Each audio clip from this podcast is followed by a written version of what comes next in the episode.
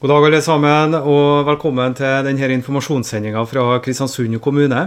Denne sendinga den hører du på radio KSU247, eller så sitter du og kikker på Tidens Grav sine nettsider tk.no. Hyggelig er i hvert fall uansett hvilke medier du følger med oss på, at du er med oss. Ja, på selveste jordmordagen altså, så sitter vi her frem til sånn ca. kvart over ett og skal passe ned nok på jordmordagen snakke en del om eh, fødeavdelinga også i dagens sending. Men det skal bli plass til så mye mer, og av alle viktige ting så skal vi snakke om det aller viktigste, nemlig fotballen, selvfølgelig. Vi skal få besøk vi av superkommentator, og kanskje Norges mest entusiastiske kommentator. Eh, det er jo selvfølgelig Rune det jeg snakker om. Han kommer innom studio, og vi skal prate litt om sesongen 2020. Ikke bare KBK, men litt også om eh, breddeidretten. Vi skal høre hva Rune har å si til oss eh, litt senere i sendinga. Så må det også nevnes at hvis du har noen spørsmål eh, som vi eh, skal prøve å besvare i sendinga, så er det bare å sende dem til oss. Da bruker du e-postadresse korona, krøllalfa, kristiansund.kommune.no. Eller eh, så kan du også ringe direkte til barn-, familie- og helseavdelingene i Kristiansund kommune. De har oppretta et felles nummer for de som eh, trenger noen ekstra å prate med. Nummeret ditt det er 41 68 81 13. 41 68 81 13. Vi har sjekka litt eh, hvordan det går på Kvernberget, og flytrafikken den er i rute, den. Bare noe småtteri som er forsinket der. Og dagens værvarsel for Møre og Romsdal. Det blir økning til sørvest liten kuling på kysten. Fra ettermiddag sterk kuling, og det så jeg på denne symbolvarslinga for Kristiansund også at det gjelder her. Skyer eller delvis skyet oppholdsvær. I kveld regn og regnbyger i ytre strøk, og så kommer det da nedbør som snø over 300-500 meter. Så vi vil se både Breilia og Freikollen eh, med kanskje enda litt mer snø da, i løpet av kveldinga. Ja, de faste gjestene de er på plass, de.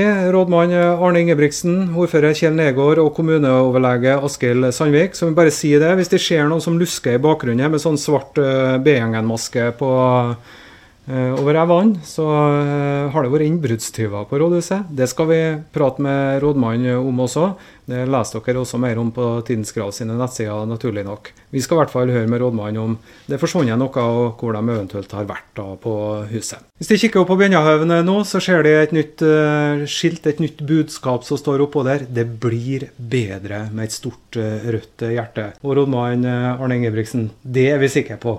Nei, Det er jo litt utfordrende å være spåmann i disse tider. Det er jo mange som har prøvd seg med det i både nasjonale og lokale medier. Eh, så det, det har jeg ikke tenkt å, å være med på. Men jeg eh, kan fortelle litt om historien. Og Det jo, kom jo fra Nordlandet barneskole. Noen barn som mente at eh, alt blir bra og hjertet skulle stå på Hollywood-skiltet. Det syns vi var en kjempegod idé. Det, vi mangla en B, da. Vi hadde bare en B. Men kommunalteknikk hyvde seg rundt og fikk eh, ordna det fort. Og budskapet er jo egentlig eh, å trygge eh, menneskene rundt oss nå. Kanskje spesielt barna, som får masse forskjellig input, og kanskje har foreldre som er veldig bekymra, eller besteforeldre i risikogruppen osv. Så, videre. så det var et, et godt og klart budskap å gi til spesielt barna. En fin måte å, å, si fra om det på. I går så hørte vi helse- og omsorgsminister Bent Høie fortelle at vi må forvente en slik type pandemi som det vi har nå. Eh, ja, men så ofte som kanskje ti års mellomrom. Den vissheten, eh, hva gjør det med samfunnet vårt? Jeg tror eh, mennesket har en enorm evne til å bli vant til ting. Eh, nå har vi jo selvfølgelig influensa hvert år, eh, som også er en pandemi, men den er jo ikke av en sånn alvorlighetsgrad som vi står overfor nå. Eh, hvis en får det hvert tiende år, så tror jeg man, samfunnet vil lære seg å respondere. Vi ser måten Singapore, Sør-Korea tok imot da, altså dem som tidligere har hatt ganske heftige lokale utbrudd av tilsvarende virus. De håndterer dette mye bedre enn det vi gjør de menneskene vet hva de skal gjøre. Hvis du er 20 år og har vært i en pandemi, så vet du hva du skal gjøre når du er 30. For så godt sitter i hodet. Mm. Om et år eller to, når eh, den situasjonen vi er oppe i nå er avklart og ting er normalisert igjen, tror du f.eks. at eh, det vil være spritstasjoner plassert foran eh, alle offentlige bygninger? At man driver noen form for screening, slik som de gjør da i enkelte asiatiske land, og passer på at folk er friske før de går ut i det offentlige rom osv.? Jeg tror ikke vi har en utprega kultur for det, men jeg tror det vil bli mer bevissthet rundt det. Samtidig så ser jeg jo at når man trakker litt trapper litt ned på tiltakene, så blir hygienen dårlig ganske fort. Mm. I, altså ikke i sånn generell kroppshygiene, men altså det å passe på å vaske hendene og, og sprite seg hvis man ikke har det tilgjengelig og osv. Men, men det, den største trusselen, sånn som jeg ser det, er vel egentlig ikke at det kommer noe hvert tiende år, men at det kommer eh, to år på rad med noe forskjellig, eller to oppå hverandre. Eller altså hvis man hvis man får en dobbel smell her Vi ser bare hvor vanskelig det var å håndtere ett virus. Så hvis man får eh, to virus med forskjellige symptomer med, Man er jo ikke Det er som å kaste en terning. da. Det går jo an til å få to seksere på rad. Mm. Men nå eh, så har jo eh, Norge på mange måter kasta penger på dette problemet her. Mm. Vi har jo ganske mye på bok i dette landet her. Ja. Eh, må vi belage oss på at det er slik vi skal takle det, eller er det andre måter vi kan håndtere framtidige pandemier på? Hva tenker du der? Jeg tror vi lærer nok å ikke overreagere for mye etter hvert.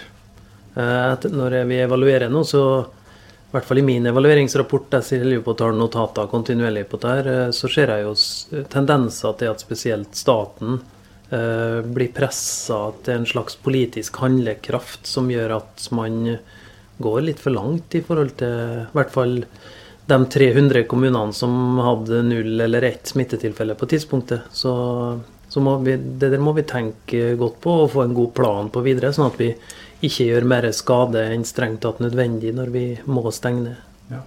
Du sa jo i en tidligere sending at en eh, kanskje mer fornuftig innfallsvinkel på den eh, shutdownen som Norge hadde, var vel heller å stenge ned Viken og Oslo i stedet for resten av landet? Ja, det var mangel av baller til å ta eh, og gjøre det grepet som var det eneste riktige. Det. Mm. Så, men, men, jeg forstår jo at det er kaotisk, og at man har forskjellige politiske prioriteringer og press fra utlandet og press fra egen administrasjon osv. osv. Men det er jo FHI og Helsedirektoratet er jo hundrevis av eh, spesialister som vet hvem snakker om. Da kan det jo være litt uh, vanskelig for oss å forstå at man politisk ønsker å velge en annen uh, vei da enn det som anbefales. Og nå mener jeg på ingen måte at man skulle ha kjørt etter en Sverige-modell, men uh, vi har jo ikke Vi er vel den 40. største byen i Norge, eller noe sånt, og vi har ikke hørt et pip Eh, og de gangene vi har tatt kontakt, så har vi jo stort sett blitt avvist med at det ordner dem sjøl.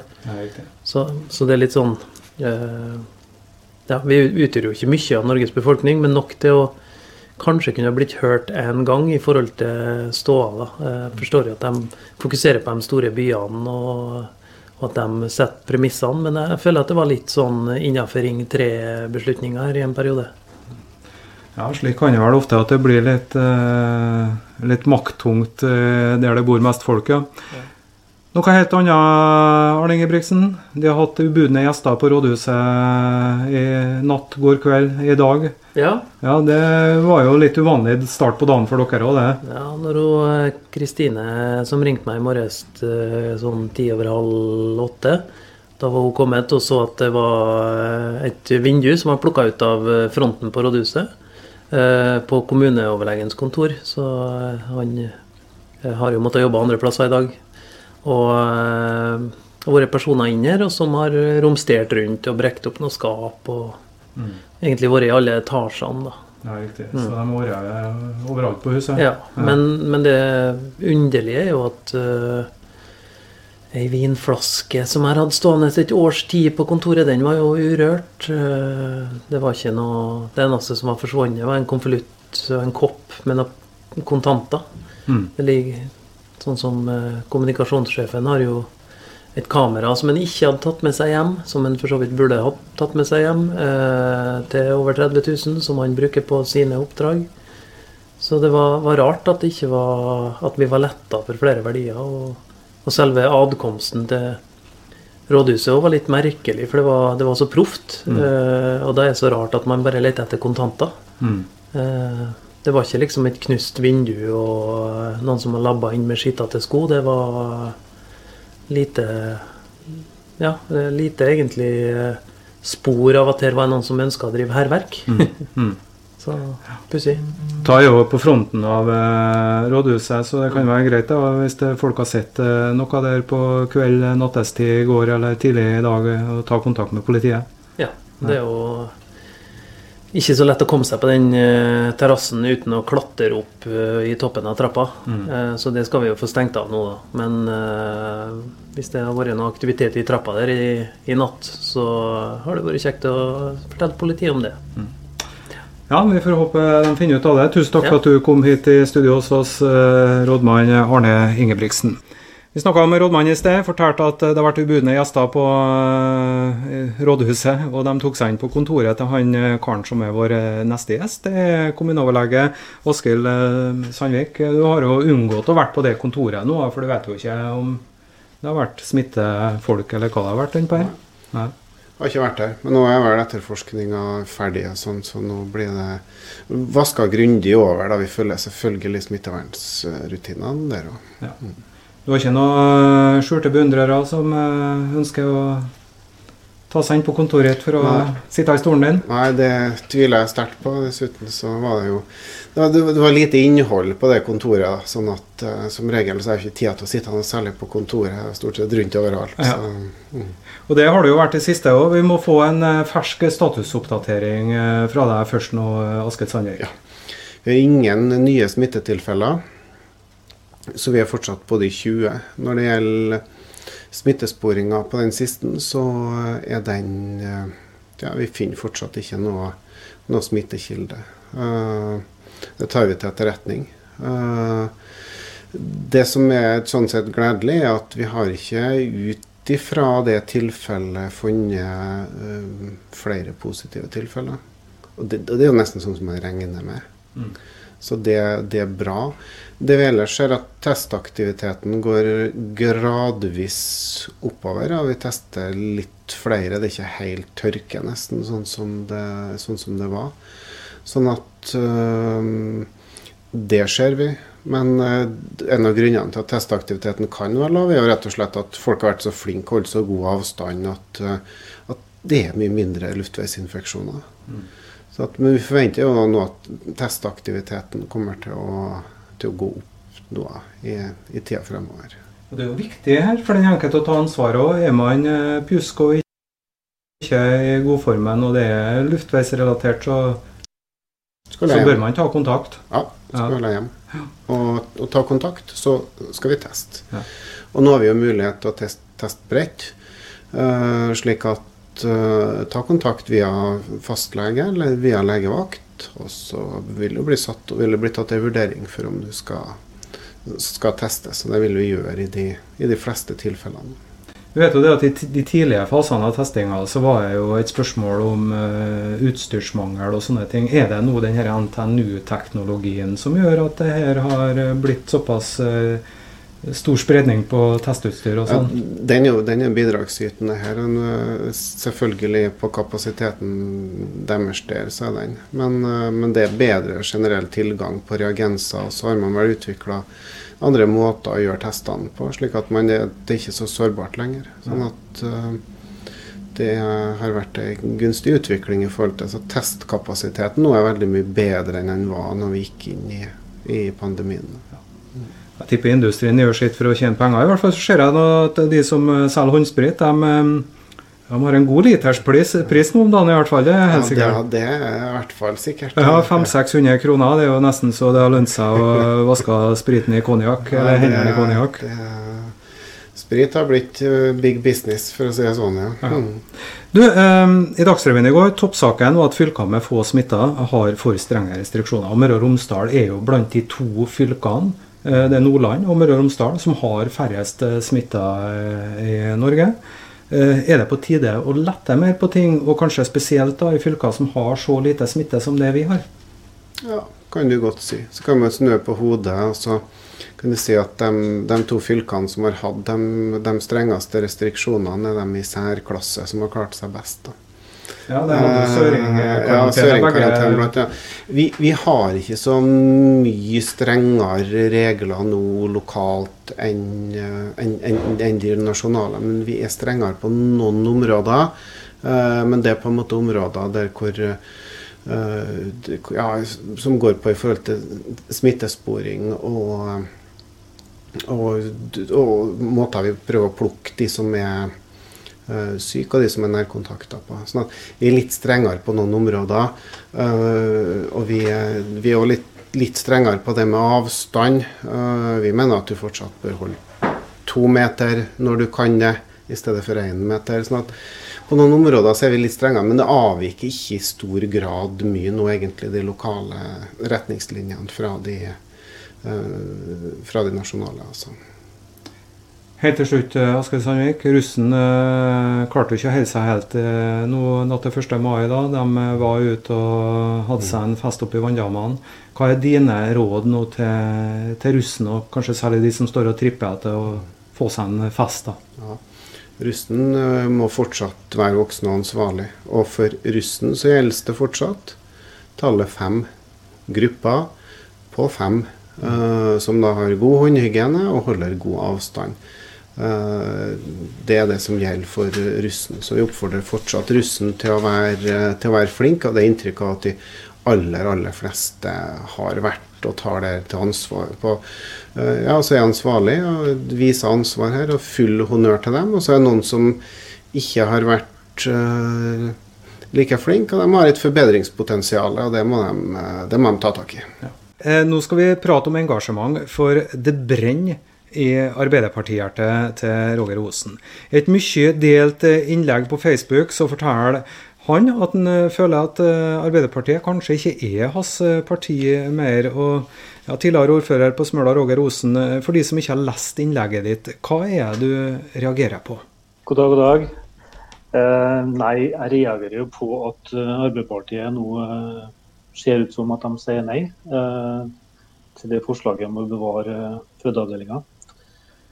Uh, og på den måten da kanskje legge en, uh, sette et punktum uh, for, uh, for fødeavdelinga i Kristiansund og for Nordmøre. Mm. og stille seg i en sånn posisjon som, som Arbeiderpartiet gjør nå i den saken der, det syns jeg er kjøle uheldig. Eh, det er en katastrofe for Nordmøre, eh, og det rysta meg. Eh, det rysta medlemmene at vi Moderpartiet vårt gjør noe sånt. Lokallagene er helt tydelige. Med Romsdal Arbeiderparti også landa på fotene i forhold til å ha et vedtak om at vi fortsatt skal ha en fødeavdeling i Kristiansund. Men, men, det ser ut som at moderpartiet vårt ikke hører på det. Ja, eh, Det er åpenbart at du har truffet en nerve her, da, fordi eh, støtten har jo vært massiv. Eh, mange som har delt det her innlegget, og som helt åpenbart er enig med det du skriver. Ja, det er 102 delinger ser jeg når jeg går inn på, på innlegget her, så jeg har, jeg har, truffet noe. Jeg tror det er mange som, som kjenner på det at vi på distriktet nå atter en gang taper. Vi taper for, eh, for sentraliseringa. Vi taper for, eh, for kreftene som, eh, som, tenker store bymiljøer og, og tettbygde strøk. Vi blir for langt unna Oslo-makta. Og Det gjelder ikke bare Arbeiderpartiet. Uh, det er naturlig for meg å kanalisere min frustrasjon inn mot Arbeiderpartiet. Men vi kan ikke glemme at det er mange partier her som, uh, som skal til for å, for å, stemme et sånt forslag. Høyre eh, er jo der, slipper jo kjølebillig unna. Venstre og KrF eh, slipper kjølebillig unna. Og jeg syns kanskje også Fremskrittspartiet slipper billig unna her. Eh, nå er det deres forslag som er opp nå, men det er jo ikke lenge før siden de har stemt ned forslag om dette.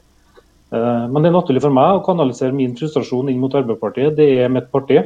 Det har vært mitt parti. Og så har jeg da stilt spørsmål om vil Arbeiderpartiet være mitt parti framover er det rett å vise en tydelig stemme ved å, å bryte. Eller er det riktigst at han fortsatt har en, en fot innom og får være med å påvirke politikken gjennom det? En ting er klart, Hvis han, velger å gå ut, så har han i hvert fall ikke noe stemme inn i partiet lenger. Og kan heller ikke påvirke. Eh, nå ser det ut som at den stemmen er kjølig liten, eh, sånn som den er nå. Eh, så hva som er riktig vurdering, det har ikke jeg landa på nå. Men det får, eh, framtida vise. Ja. Det er mange som er spent på hva du finner ut der også. Ja, Du har fått mye reaksjoner, men hva med Kjerkol og Tajik og Støre? Har du hørt noe fra dem? Nei, jeg har ikke det. Eh, jeg har jo egentlig ikke noen sånn politisk rolle lenger og forventer ikke at, eh, at tar kontakt. Men de jeg forventer, er at hvert fall en markant ordfører som Kjell eh, får kontakt. Han skulle hatt informasjon om, om, standpunktet til partigruppa i forkant, færre det blir offentlig. Uh, han har sikkert vært like uenig til det, men da er han i hvert fall forberedt på den, uh, den stormen som kommer uh, lokalt. Det er utilgivelig. Det er sånn skal ikke drives i partiet. En skal ha god dialog begge veier, ikke bare fra distriktet og inn, men man skal ha det fra Senterpartiet og ut.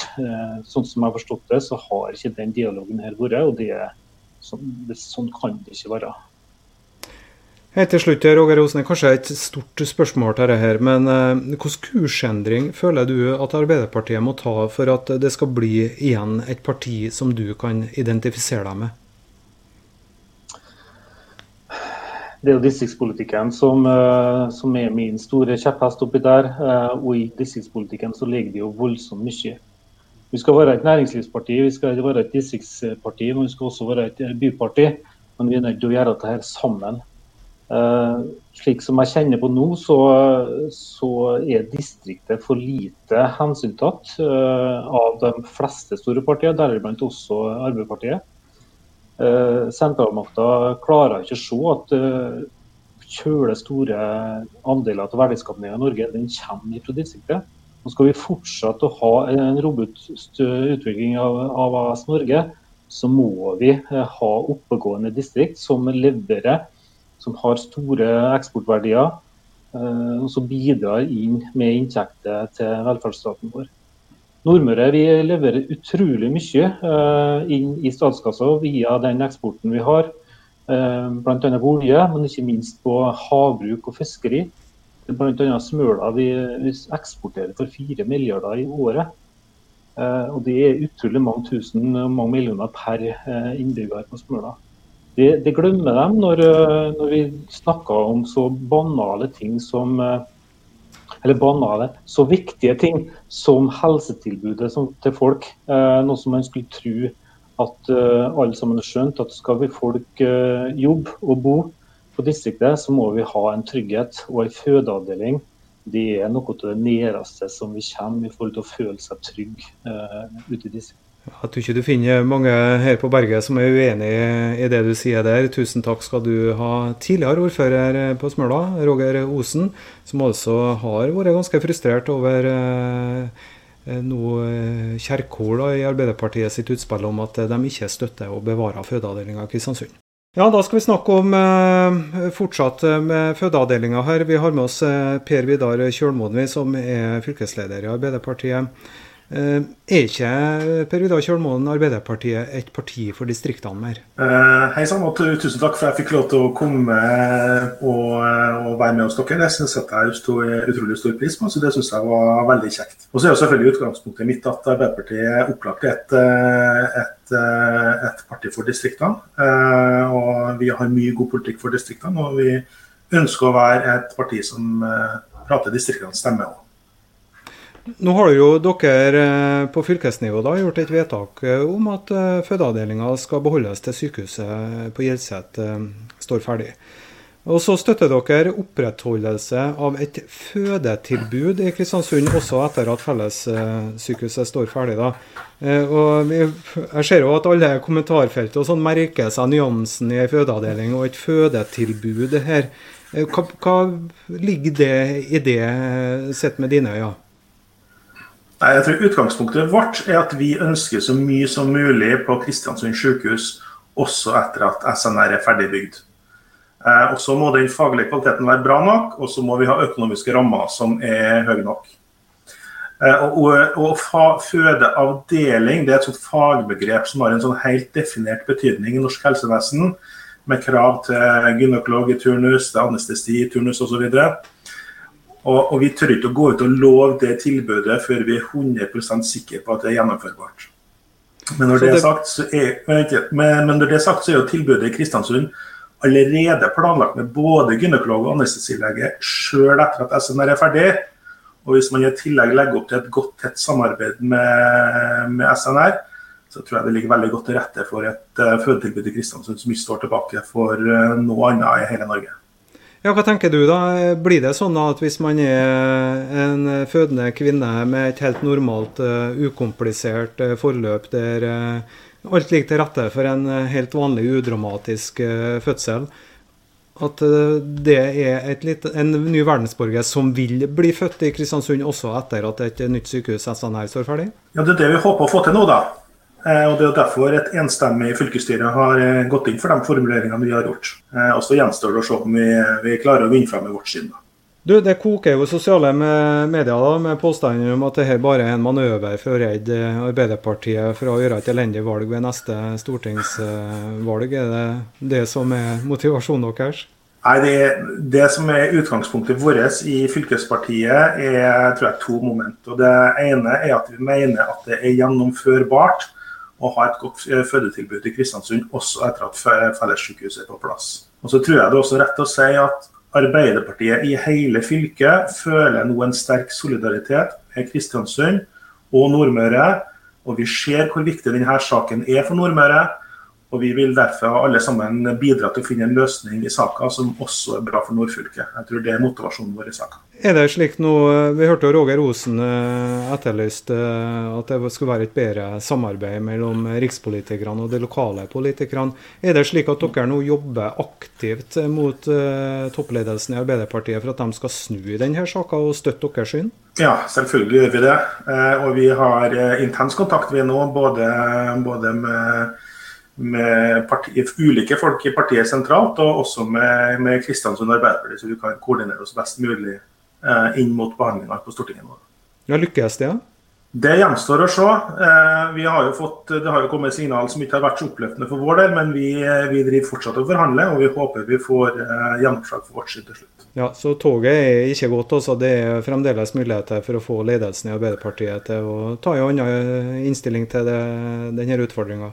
Nei, Vårt utgangspunkt er at eh, slaget er ikke tapt før slaget er tapt. Så nå driver vi og, driver vi og forhandler og ser om det er mulig å komme fram til en minnelig løsning som er bra for alle.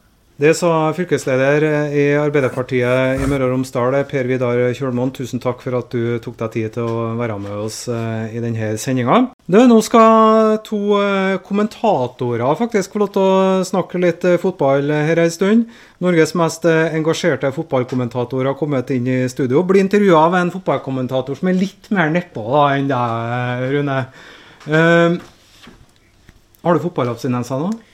Ja, det er litt uh, kjedelig, jeg må jo innrømme det. I helgen, da, særlig hvor det har vært lenge nå uten fotball både i Norge og i England. da, Spesielt som jeg følger kanskje med nesten større lidenskap enn Norge, egentlig. Så uh, det, det, er litt rart, men så blir du litt sånn uh, vant med det òg. Sånn at Særlig det med England. Jeg har vært så lenge bort nå at jeg liksom ikke har noe forhold til det. Fra å liksom sjekke liverpool.no hvert femte minutt, så er det liksom flere dager mellom hver gang du er innom. Så det, det sier jo litt om at du blir avvent av det meste. Ja. Hva er så verst, da? Er mangelen på KBK, eller er mangelen på Liverpool? Nei, det personlig så er mangelen på Liverpool, hvis det er lov å si det. Ja. Men eh, selvfølgelig er det mye større konsekvenser at for Norge og for byen og Nordmøre at KBK har stoppa opp, det, det, er jo mye mer kjedelig enn at vi som er litt sånn, sånn tullete engelske fotballfans eh, ikke får lov å se på TV-en der. Det er, ja, det er kjipt for eh, bedriften KBK og alle andre klubbene. Det er jo en stor industri der. De omsetter for 2,5 milliard i i året, og det har kanskje ikke kommet nok frem. da, Det har liksom vært bare en lek med lærkula og artig liksom, for 22 menn eller kvinner som springer etter en ball. Det er en stor industri som berører veldig mange personer. KBK har jo hatt permitteringer og har permitteringer, og andre klubber har permitteringer. Så det er liksom eh, det, er store konsekvenser for fotballen, som for de aller, aller fleste bransjene. Og ikke minst er jo KBK et svært godt eksempel på hvor viktig sånn rent indremedisinsk eh, det har vært her på Nordmøre med å løfte eh, god stemning og ha noe positivt å snakke om. Ja, selvfølgelig. Jeg har jo sagt det i andre sammenhenger at KBK er det største som har skjedd byen siden freden kom i 45. Så kan jo gjenta det, og står vel egentlig inne for det. Men eh, det er klart det har betydd enormt for byen. Det har betydd mye for stolthet, lidenskap og noe å samles om, en møteplass osv. Og, så videre, og alt det der er jo borte nå. Så det, det, vet jeg jo at det er veldig mange som savner den, og de vil jo, uansett hvordan det her blir åpna opp nå, ikke få lov å være til stede på kampene i starten. Så det, det, blir veldig, veldig annerledes eh, når de en gang starter opp. Ja, Det skal vi snakke litt om, eh, om Norun For nå har jo du satt og fulgt med Abid Raja, kultur- og idrettsminister, har jo kommet med en slags redegjørelse på hva planene fremover er. Det ble ikke så mye klokere der, forstår jeg?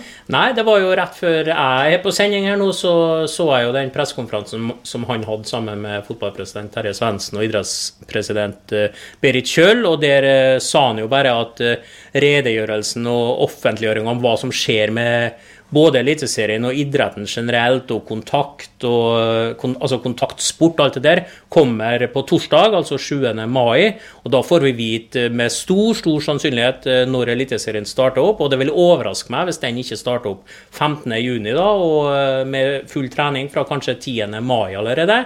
Og da er Eliteserien i gang. Og så kommer det også sikkert føringer om breddeidretten og øvrig idrett, om at den venter sannsynligvis enda lenger, kanskje til september eller, eller i høst, da når fotballen da skal jo normalt starte opp igjen i høst. Så forhåpentligvis så starter også breddefotballen og andre idretter opp for fullt, da, om vi skal kalle det fra i høst. da, Mens Eliteserien får lov til å starte først med alle de premissene som legges rundt det. Ja, og Apropos de premissene. Vi vet jo det at eh, det blir jo ikke oppstart som normalt her, med fulle tribuner og sånne ting. Du har kikka litt nærmere ja. på, på, hva som skal til for at fotballen kan starte opp igjen. I hvert fall det som det spekuleres i nå, da.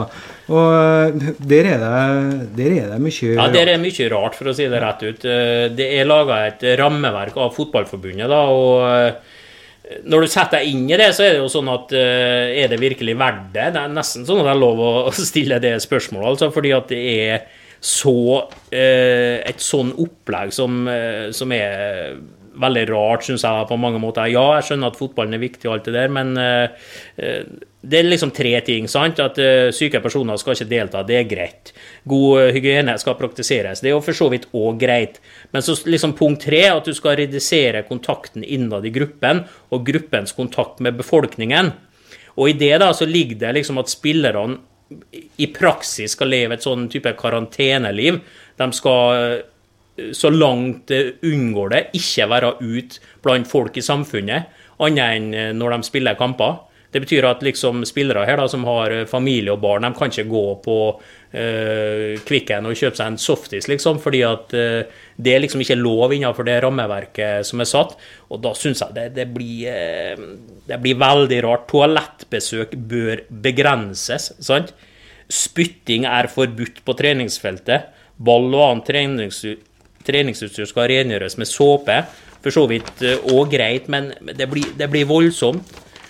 Innbytterne skal sitte med én meters avstand. Pauseprat skal foregå utendørs. De får ikke lov å gå inn i garderoben. De skal dusje hjem.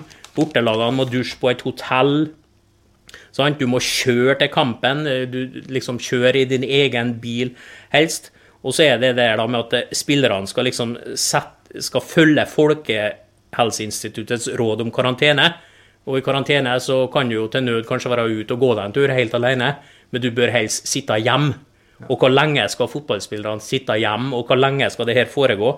Jeg syns det er Det høres ikke ut som det er noe artig å være norsk fotball. Det, Nei, hvis jeg, hvis jeg har vært fotballspiller, ja, jeg er ivrig etter å komme i gang. Men hvis jeg har vært eh, sånn som Flamur Kastrati, da, så er tobarnsfar og, og gift, eh, skal sitte hjemme i leiligheten sin eh, og ikke få lov å være med ungene sine ut, og knapt nok være med dem ut og leke seg, liksom. Ja, fotballen er viktig. Det er viktig, det jeg snakka om innledningsvis. Arbeidsplasser og mye penger og alt det der. Men med en sånn type regelverk, det Ja, jeg vet ikke. Det, det er voldsomt, i hvert fall. Det er voldsomt, men det viser vel hva desperat fotballen sjøl er etter å komme i gang. Da. Men jeg savner kanskje litt at spillerne har ikke sagt så mye om det her. Jeg vet jo at KBK for f.eks. har nærmest fått munnkurv til å uttale seg om det her. Snakka med Kjetil Thorsen i går og begynte å snakke litt om det her. Og han sa at eh, alle sånne typer spørsmål skal du henvende deg til norsk toppfotball med. Fordi at de vet at det her er kontroversielt, og de ønsker jo egentlig ikke at uh, kanskje uh, alle spillerne skal uttale seg om det. Da. Selv om jeg så at mange gjorde det i går. så men som pressemann så, så, må du vel føle at det skurrer noe voldsomt i ørene dine. Nå tar de Fotballforbundet et grep om informasjonsflyten, der det kanskje burde ha vært så god åpenhet som Ja da, ja. nå tror jeg ikke, hvis jeg kunne ringt rundt eller møtt spillerne til KBK, så tror jeg de har snakka om det. Ja. Eh, eh, det er ikke det, men det er liksom et eh, ja, det er et voldsomt opplegg de legger opp til. og Vi får nå vite på torsdag nå om det blir sånn. og det blir i hvert fall veldig, veldig veldig annerledes. Og uten tilskuere, selvfølgelig. Ja. Det er litt pussig at her er Fotballforbundet som står i, i bresjen for ganske innbegripende tiltak. Det er rart de ikke heller ser hvilke krav myndighetene sjøl har eh, til å starte opp igjen? Ja, det kan du si, men eh, jeg vet ikke noe da, Det møtet i dag da, hvor de redegjør for sine planer, det er, jo, det er jo ikke sikkert at det blir så strengt. Det er jo Fotballforbundet som strekker seg så langt nå da, for å få lov til å gjøre det her. Ja. Og så er det jo åpna opp for, eh, for, veldig mye annet i samfunnet.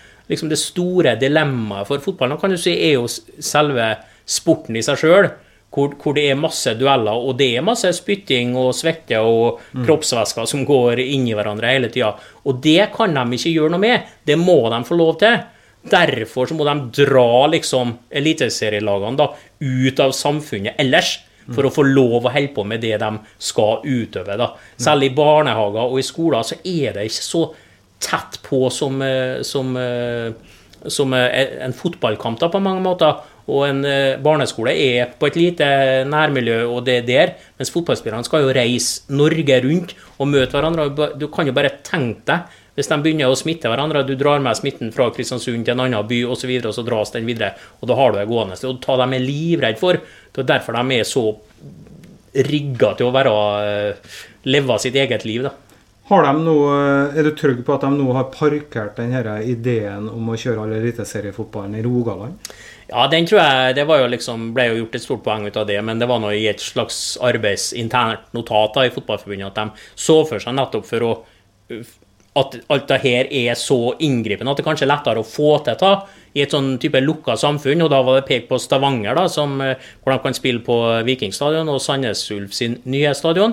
Og så spiller de der eh, alle kampene. Det var jo ikke sagt alle kampene, det var antyda kanskje en tredjedel av sesongen da, kan gjøres unna der på kanskje en måned eller et eller annet. Men da måtte jo alle lagene bodd i Stavanger en måned. og så og igjen da, Det viser jo hvor langt de strekker seg her for å få til dette. her. Det er, og det her, Grunnen til at de gjør det, er at det er så mye penger i det. At Fotballforbundet er desperat etter å komme i gang.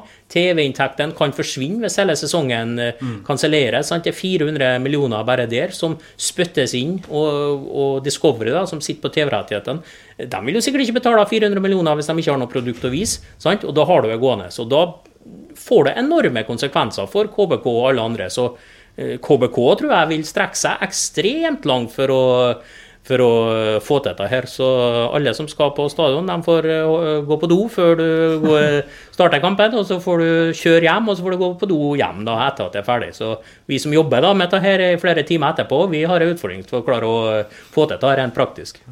Til slutt, Rune, det er fotballkommentator i Tidens Grav. Nå har vi jo vært uten fotballen i flere måneder. Eh, Hvilke KBK-lag er det som møter oss, tror du, nå når eh, de omsider kommer i gang igjen? Ja, Der er jeg spent. Eh, det er, handler jo om hva den enkelte klarer å gjøre nå. da. Det er jo Fellestreningene går nå sin gang innenfor de smittevernreglene som gjelder. Men det er en veldig spesiell periode, og KBK er ikke noe annerledes, det er ikke noe annerledes for KBK enn for de andre. Så Sånn sett så kan du jo tro at det blir likt. Men hvordan de vil takle det her eh, når de kommer i gang skal, De har en mindre stall enn mange. Det blir mye reisebelastning fordi det blir mange kamper, tre kamper i uka i, i, i mange måneder. Sant? Som, eh, og Kristiansund ligger på en måte Det var den byen i Norge kanskje som har tyngst reisevei for å komme seg. Det er gjerne overnatting både i forkant og bakkant. Sånn at det blir det tærer veldig på KBK da, kontra Klubbene på Østlandet for eksempel, har jo mange lag de spiller mot hverandre bare med en liten busstur. Mm. Og, og, vi vet jo at fra Gardermoen er det mye bedre flyforbindelser til alle deler av Norge. Sånn at det, det blir mindre belastning. Så KBK er kanskje litt skjør på det. Og har jo da mindre ressurser enn mange andre òg, som La oss tenke Molde, da, f.eks. De vil sikkert kjøre charterfly til alle kampene her nå, fordi at det er minst belastning på troppen osv. De har mm. råd til det. KBK har sannsynligvis ikke råd til å kjøre charterfly Norge rundt for å spille kamper. Selv om det er jo sånn smittevernmessig har vært det desidert beste, selvfølgelig. Nei, Det blir spennende å se hvordan fasiten blir her. Tusen takk for at du kom eh, i sendinga vår. Det var altså fotballkommentator Rune Edøyde i Tidens Grav. Da er vi kommet til veis ende. Vi har jo vanligvis med oss ordføreren nå. Han eh, har formannskapsmøte i dag, og da skal han jo få lov til å prioritere det som han faktisk eh, har betalt for å sette seg ned og gjøre. Så der er han. Vi runder av med Vitalux her i Kristiansund kommunes informasjonssending. Ha det bra, alle sammen.